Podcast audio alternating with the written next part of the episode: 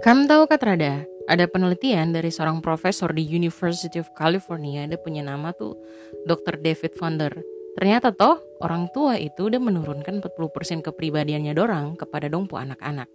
Sisanya itu akan tergantung dari bagaimana lingkungan membentuk anak itu.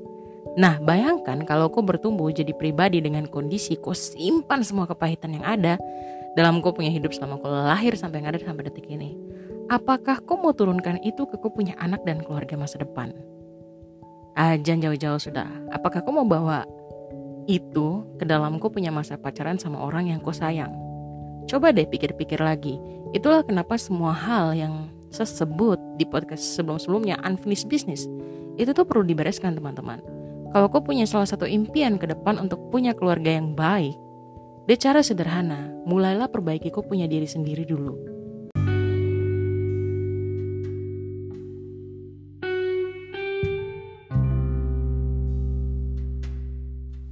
Selamat datang kembali para pendengar setia podcast kita bersama Cerita Seru Jenny Karai Di mana pun kamu berada yang ada di dalam dan luar negeri Dari Sabang sampai Merauke Di darat, laut, darat, tanah, apa pun itu Jenny Karai mau menyapa untuk teman-teman yang sudah begitu setia untuk mengikuti uh, episode ini Bagaimana nih teman-teman punya self quarantine Sumulai bosan kah? Sehat-sehat kah di sana? Aduh, Jenny Karai selalu berdoa buat teman-teman biar selalu diberikan kesehatan, dilindungi beserta seluruh keluarga. Iwe, lagi susah begini nih, tidak bisa ke mana-mana, pasti bosan juga.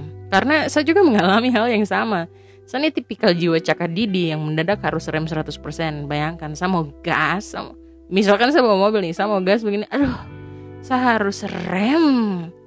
Karena ya macam, ya jiwa-jiwa kapal bajalan langsung mendadak belajar untuk oke, okay, stop bunuh diri goblok-goblok. Harus diam di rumah. Eh jadi karena kasih ingat ya sama teman-teman. Jangan lupa selalu cuci tangan. Uh, jaga jarak juga dengan orang-orang yang teman-teman ketemu. Kalau bisa kurangi kontak fisik. Makan makanan yang sehat minum air putih dan juga uh, jangan sampai tangan sedikit-sedikit tuh mau pegang alis kah mau pegang mata kah mau pegang apa kah.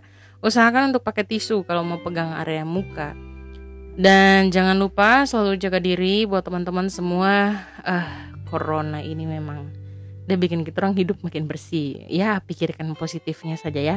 Ya, Jenny Karai senang sekali bisa menyapa kembali teman-teman dalam Tong punya podcast bersama ini seperti biasa. Sebelum mulai Jenny Karai mau kasih tahu teman-teman buat jangan lupa dukung podcast ini. Dia cara gampang dan gratis sekali ya. Teman-teman bisa subscribe, akan follow, share di sosmed atau bagikan buat kamu teman-teman. Karena ingat podcast ini tuh ada di uh, Apple Podcast, ada di Spotify. Kalau teman-teman punya Google Podcast juga ada di situ. Di Anchor juga. Jadi banyak platform yang bisa teman-teman pilih teman-teman mau yang mana. Dan juga uh, kamu akan tahu waktu kamu bagikan itu ke orang lain, ternyata orang itu udah punya uh, permasalahan mungkin yang memang sesuai dengan podcast ini dan tanpa dong curhat ke kok malah aku kasih sesuatu yang seperti menjawab dong punya pertanyaan. Nah, mulai edisi ini, Jenny Kara itu akan selalu awali dengan bacakan testimoni terpilih dari teman-teman pendengar podcast cerita seru Jenny Karai yang sudah masuk ke DM Instagramnya Jenny Karai di @jennykarai. Uh, ini salah satu caranya Jenny Karai juga untuk memberikan apresiasi buat teman-teman pendengar setia yang mau memberikan testimoni dan juga berharap ini bisa jadi inspirasi buat teman-teman bahwa uh, podcast ini itu bisa teman-teman pakai untuk uh, eh, self healing atau self management, self leadership, self development, self helping teman-teman. Kalau teman-teman menghadapi isu-isu yang juga uh, ada di dalam podcast podcast ini. Dan oke, okay, yang pertama ini dari Erforia, at Erforia, double R di Forianya. Shalom Kak Jenny, I'm your big fans from Batam. Halo Batam, I really like your podcast. Mm. From the first time aku dengar podcast kakak, aku sangat tertarik dan tertampar oleh semua irama kata yang kakak sampaikan. Sio, kakak men, ayo, kakak menyanyi kapan nih? Oh, aku sangat menyukai podcast, tapi aku belum pede untuk membuat suatu podcast, eh, podcast, suatu podcast seperti yang kakak lakukan. Aku mencintai seni Alkitabiah yang kakak libatkan dalam setiap podcastnya kakak atau suatu karya yang bisa membawa manfaat bagi orang banyak. Terima kasih Erforia. Kalau mau bikin podcast ayo bikin. It's okay. Dulu waktu Jini Karai juga mulai tuh eh dia punya rasa juga begitu terapede tapi hajar saja tahu tuh otak timur hmm, hajar saja learning by doing kan om bilang oke yang kedua dari at elzauli.tiara Kak Jenny terima kasih untuk podcastnya saya nggak sengaja kemarin ngedengar podcastnya kakak padahal saya itu tipikal orang yang kurang suka dengerin podcast waktu dengerin podcastnya kakak rasanya sangat terberkati podcast pertama yang saya dengar adalah move on saat ini saya sedang dalam proses move on. Semangat deh, semangat deh. This too shall pass away. Mendengar podcastnya kakak, saya jadi yakin bahwa saya suatu hari nanti akan bisa kembali bangkit dan sembuh dari sakit yang saya alami. Bisa deh, selalu bisa, selalu bisa. Semangat. Jangan pikir yang negatif ya. Tetap maju. Tetap maju. Sejak saat itu, saya jadi suka dengerin podcastnya kakak setiap hari. Oh, Rasanya sangat memotivasi dan memberikan pembelajaran baru buat saya. Semoga kakak sehat selalu dan bisa terus produktif menghasilkan karya-karya terutama podcastnya kakak. Hehehe. God bless you Kak Jenny. God bless you too. Elza Ulri. Makasih banyak buat Erforia dan. Tiara serta teman-teman para pendengar setiap podcast cerita Jenny Karai. Saya pribadi ya selalu percaya tidak ada yang namanya kebetulan kita saling dipertemukan dalam dunia online. Entah mungkin saya cuma menemani teman-teman melalui pendengaran, melalui podcast ini, tapi saya percaya maksudnya saya juga belajar dari teman-teman dan teman-teman juga belajar dari saya. Ya ketong orang sama-sama belajar gitu. Bagaimana ketong jadi pribadi-pribadi yang bercahaya menjadi berkat, pribadi-pribadi yang berbeda kalau saya bilang dan pribadi yang selalu positif. Dan podcast ini juga ada karena dukungan dari teman-teman yang selalu memberikan energi positif. Bener banget. Saya tiap buka IG dan lihat teman-teman punya DM di Instagram tentang podcast itu tuh buat saya jadi oh jadi terharu, jadi semangat. Jadi kayak ngerasa ya ampun Tuhan ini anak-anak ini hmm, pengen kupeluk satu-satu. I wish ya one day. Nah teman-teman yang mau kirimkan testimoni monggo silakan DM ke Instagram Jenny Karai di @jennykarai. Setiap episodenya akan Jenny Karai mention dua testimoni terpilih. Testimoni ini juga uh, selain jadi energi positif ya dan apresiasi, Jenny Karai juga berharap nih bisa jadi inspirasi buat teman-teman para pendengar cerita seru Jenny Karai. Oke, edisi The Effect of Pain kemarin Tong sudah bahas toh dia punya intro kenapa mengevaluasi dan mencabut kepahitan itu butuh waktu, komitmen, dan kenapa dia penting sekali untuk dibersihkan. Nah, di podcast kali ini Jenny Karya akan bahas lebih dalam tentang hal tersebut. Di podcast lalu Jenny Karya cerita juga toh ke teman-teman kalau orang yang kepahitan atau dia istilah tuh bitter person itu punya kecenderungan untuk juga melukai orang lain. Gimana sih? Tong bisa lihat ciri-ciri orang yang uh, kepahitan ini. Ada beberapa poin sebenarnya yang Jenny Karya tuliskan untuk teman-teman perhatikan. Kalau nih, kalau kalau kalau ada teman-teman yang merasa aduh poin ini susah sekali, it's okay, tidak masalah. Itu malah bagus. Karena kau sedang mendiagnosa kau punya diri sendiri, apakah ciri-ciri ini nih ada dalam ketong punya diri apa tidak. Jadi tenang, terada yang akan sidang kamu orang, tidak akan yang ah, tidak akan ada orang yang akan ngejudge kamu orang, saya juga tidak. Terada, anggap saja ini kamu punya jurnal perjalanan untuk menyembuhkan kamu punya diri sendiri. Seru toh? Oke, yang pertama, uh, orang yang kepahitan itu bicaranya kasar. Pernah dengar ada orang bilang, sebenarnya dia tuh baik. Cuma ada punya cara ngomong tuh kasar. Big no. No, no, no, no. Orang yang kasar otomatis ya dia kasar sama orang. Never be reckless with someone else's heart. Oke? Okay? Yang kedua, mudah menghakimi atau suka nyinyir. Dia akan merasa dia punya hak untuk menghakimi orang lain kalau macam dia ada dalam sidang nih sudah dia sudah dia itu yang aduh dia sudah yang toki palu sudah merasa dia punya diri itu jauh lebih tinggi daripada orang lain dan orang lain itu tidak ada di posisinya dia yang berikutnya pendendam kejadian sudah dari bulan lalu toh tapi masih ingat-ingat terus ungkit-ungkit. Bisa jadi berarti uh, kok rasa ada hal yang irritate mengiritasi kok punya perasaan. Be careful. Berikutnya minta perhatian. Biasa ketong di Jayapura ketong bilang caper cari perhatian. Kalau bicara sama orang 30 menit Sio. 25 menit kah 29 menit tuh dia cuma bicara tentang dia punya diri saja. Dia cuma mau bicara apa yang dia mau. Giliran orang lain bicara dia tidak mau dengar. Berikutnya mudah cemburu dengan hidup orang lain. Dia akan rasa marah dan cemburu ketika melihat orang lain bahagia. Padahal orang lain yang bahagia nih tidak pernah bikin masalah sama dia. Tapi dia bisa marah sama cemburu sama orang itu. Bayangkan terhadap hujan, badai, hubungan udah baik-baik. Dia akan tetap tersuka. Nah ini sudah tipikal orang yang pencemburu. Jadi teman-teman cemburu ini bukan tentang Ketong cemburu dengan ketong punya pasangan saja ya Tentang cinta, tidak. Tapi ini bisa dalam kehidupannya ketong pribadi dan sosial. Bahasa Papuanya tuh Baku tersuka. Yo, baku tersuka baru kirim swangi lah Apa segala macam. Itu juga bisa dimasukkan dalam poin ini. Contoh lainnya, kalau ada orang lain dapat promosi, dia terus suka melihat orang mendapat promosi. Dia akan berpikir bahwa seharusnya dia yang layak untuk dapatkan promosi. Paling ekstrimnya ya, ini yang paling ekstrim. Ya macam kita orang di timur Indonesia sampai baku bunuh dengan ilmu hitam lah dan segala macam. Uh, keluarga Jenny Karai itu juga ngalamin hal ini loh teman-teman. Sampai ada yang uh, anggota keluarganya saya itu ada yang meninggal karena masalah jabatan. It's really ridiculous tapi ya itu realita di timur Indonesia seperti itu nah saya himbau sekali teman-teman ayo uh, biasakan kalau ada orang lain bahagia ayo mulai biasakan katakan selamat ikut turut dalam kebahagiaan itu dengan tulus. Kalau kau ingin hal itu juga bawa dalam doa. Percaya bahwa promosi itu datangnya dari Tuhan. Tetap punya etos kerja yang baik pasti akan datang masanya kau juga akan dapat promosi. Yang keenam terang mau terima kritik.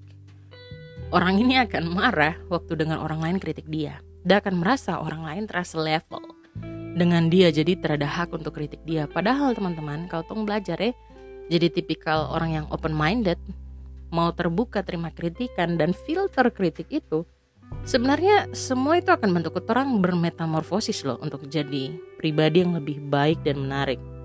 Untung siapa coba? kita punya diri sendiri loh yang akan untung dari hal itu.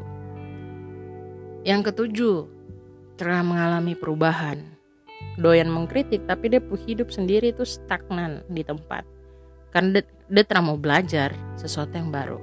Ini sejalan sekali dengan uh, salah satu ayat dalam Alkitab, seingat saya di Matius 12 ayat 33 bahwa oke okay, at the end kok bisa tahu orang itu dari buah-buah kehidupannya. Apakah buah yang dihasilkan itu baik apa tidak. Yang kedelapan, tukang bagusip. Apa yang keluar dari mulut sebenarnya itu berasal dari hati loh teman-teman. Gosip dan hoax yang kita orang katakan itu merupakan cerminan dirinya tong sendiri. Coba lihat, lebih banyak makiankah atau lebih banyak kata-kata baikkah yang tong bicarakan sehari-hari. Ini teman-teman bisa perhatikan. Nah, dari 8 poin ini, Jenny Kara ingatkan ya, It's okay kalau ternyata ada poin-poin yang ternyata kamu sering buat. It's okay. Menyadari kalau ada luka itu langkah pertama untuk tong bisa menyembuhkan tong diri sendiri. Podcast ini dia tujuan itu bukan untuk ngejudge kamu orang baik apa tidak. No no no no.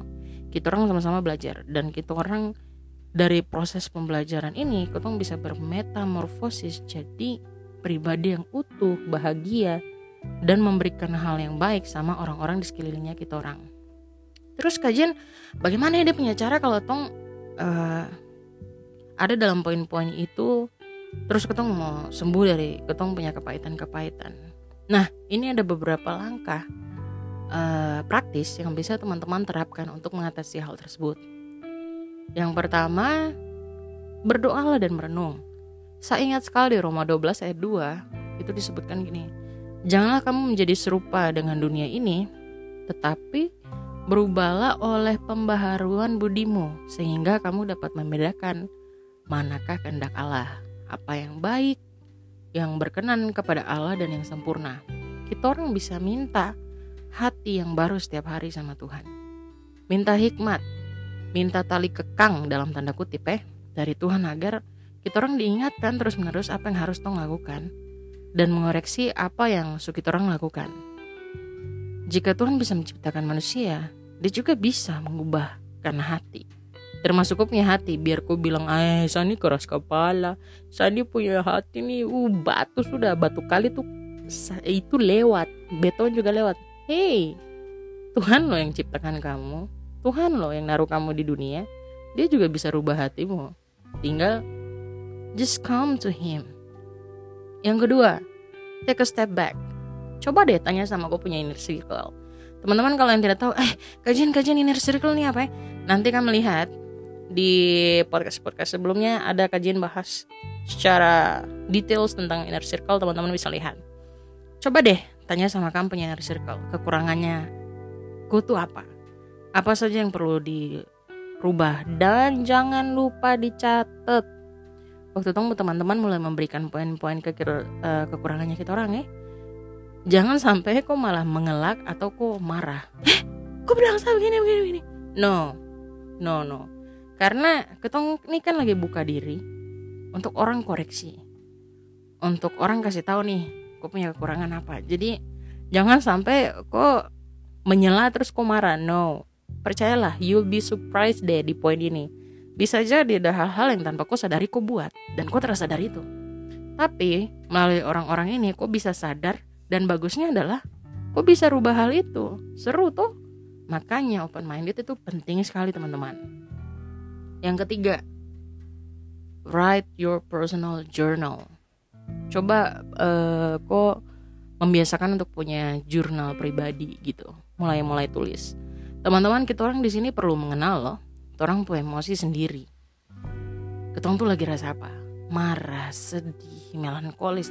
Sedih kenapa? Itu selalu tuh kalau ketong dive into our feelings ketong bisa mengerti mulai biasakan tulis apa yang terjadi pada hari ini bagaimana kau punya emosi apa yang kau rasa dan apa yang butuh kau lakukan selanjutnya apa yang perlu kau perbaiki. Setelah itu toh setelah aku tulis semua. Nah aku baca ulang kembali lagi jurnal yang aku tulis. Apakah yang tong buat hari itu tuh uh, benar nggak sih?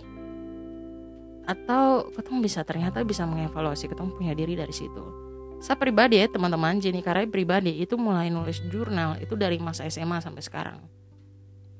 Kalau dari masa SMA saya suka tulis itu di buku jurnal. Saya ingat sekali dia punya cover tuh kulit warna coklat vintage klasik banget. Saya ingat sekali. Sekarang saya punya jurnal itu tetap ada. Dan saya tulis secara digital karena saya lebih punya banyak jadwal keluar dan kayaknya tulis ini tidak tidak begitu efektif. Jadi saya selalu punya waktu setelah aktivitas saya selalu punya folder tersendiri di laptop yang memang saya kunci yang memang di dalamnya tuh saya punya jurnal apa yang saya rasa dan segala macam.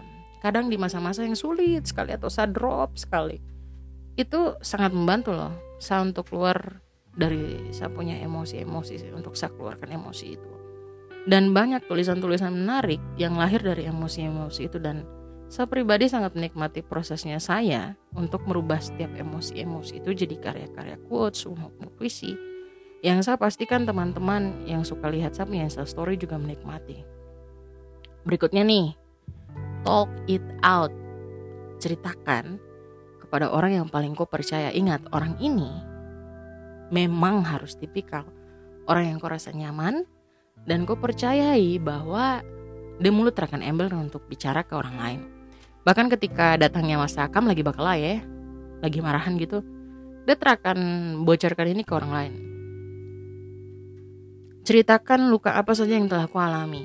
Minta tolong dorang untuk bantu kau bisa sembuh dari kau punya luka masa lalu. Teman yang baik akan bisa membantu kau dengan cara memberikan solusi. Atau kalau dorang telah tahu, dong akan bantu kau mendekatkan kau punya diri kepada Tuhan. Apa pun kau punya agama, dong akan dekatkan kau punya diri sama kau Tuhan. Bukan kepada party, seks, apalagi obat. Be careful. Teman-teman juga bisa ceritakan loh sama saya pribadi uh, saya Jenny Kara terbuka buat teman-teman yang mau DM via Instagram untuk konsultasi atau minta didoakan. Saya memang tidak bisa balas cepat sekali teman-teman karena saya juga punya mobilitas dan saya punya aktivitas dan saya tidak 24 jam uh, buka Instagram. Kadang delay itu sampai beberapa jam sampai bisa satu hari tapi saya pasti akan balas dan bisa jadi teman yang baik untuk teman-teman yang curhat ke saya. Yang kelima, please control your mouth. kita orang cenderung suka asal ngomong. Asal ngomong ini juga bisa menyakiti orang lain. Coba belajar pikir dulu apa yang akan kita orang bicarakan. Perlakukan orang lain layaknya kita orang ingin diperlakukan. Kalau tong mau mendapat feedback yang kasar, ya kok jangan kasar ngomong. Saya jadi ingat Amsal 15 ayat 1. Uh, jawaban yang lemah lembut meredakan kegeraman. Tetapi perkataan yang pedas membangkitkan marah. Saya pribadi ya teman-teman, uh, tipikal orang yang kalau marah itu saya tidak bisa langsung terbisa saya mendingan saya diam dulu. Karena kalau saya marah baru saya bicara solo saya itu orang bisa kepahitan sama saya apa? Makanya ketika saya marah sekali saya diam dulu. Saya tenangin diri dulu. Nanti kalau saya sudah bisa tata sapu emosi baru saya bicara. Karena saya punya pengalaman ya. Dulu saya tipikal orang yang frontal dan to the point sekali. Tapi setelah saya belajar ini uh, secara mendalam secara pribadi dengan pengalaman ya learning by doing. Akhirnya oke okay, kayaknya ini tidak tidak begitu sangat bijak. Uh, jadi memang saya harus kontrol itu seperti itu. Dan yang keenam olahraga.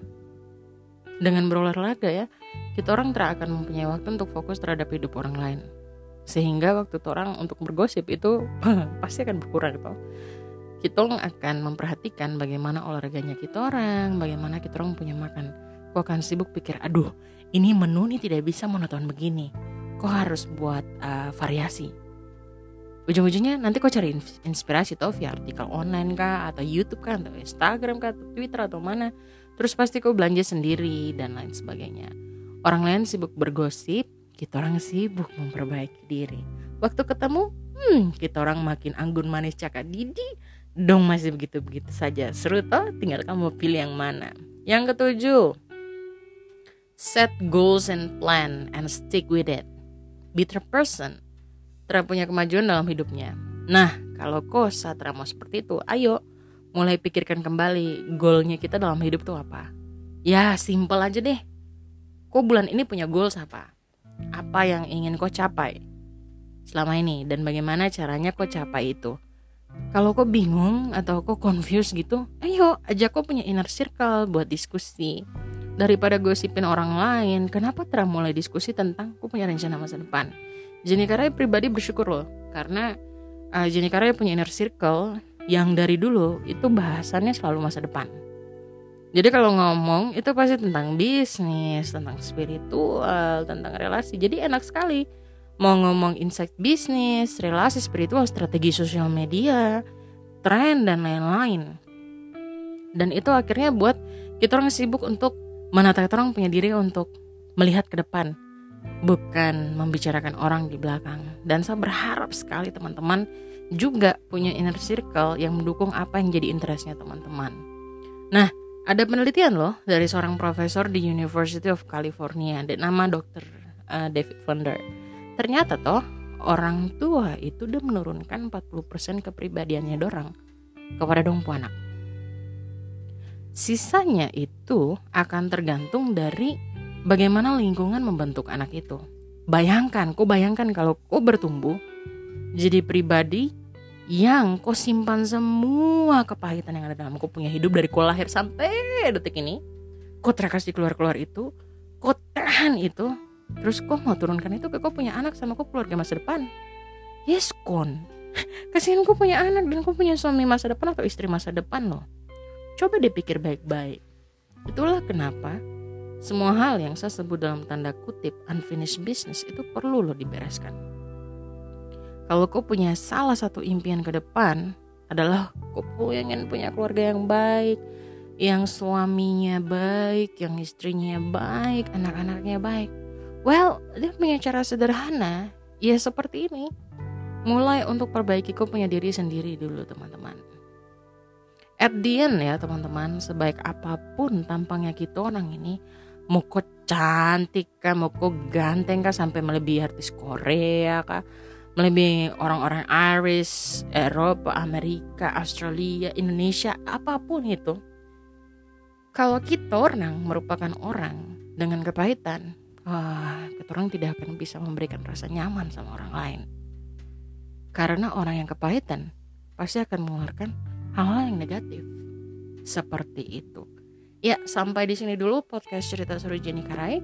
Minggu depan kita orang akan bertemu dengan topik-topik menarik lainnya. Anyway, kalau teman-teman punya masukan, testimoni, please silakan uh, share di Instagram DM-nya Jenny Karai di @jennykarai.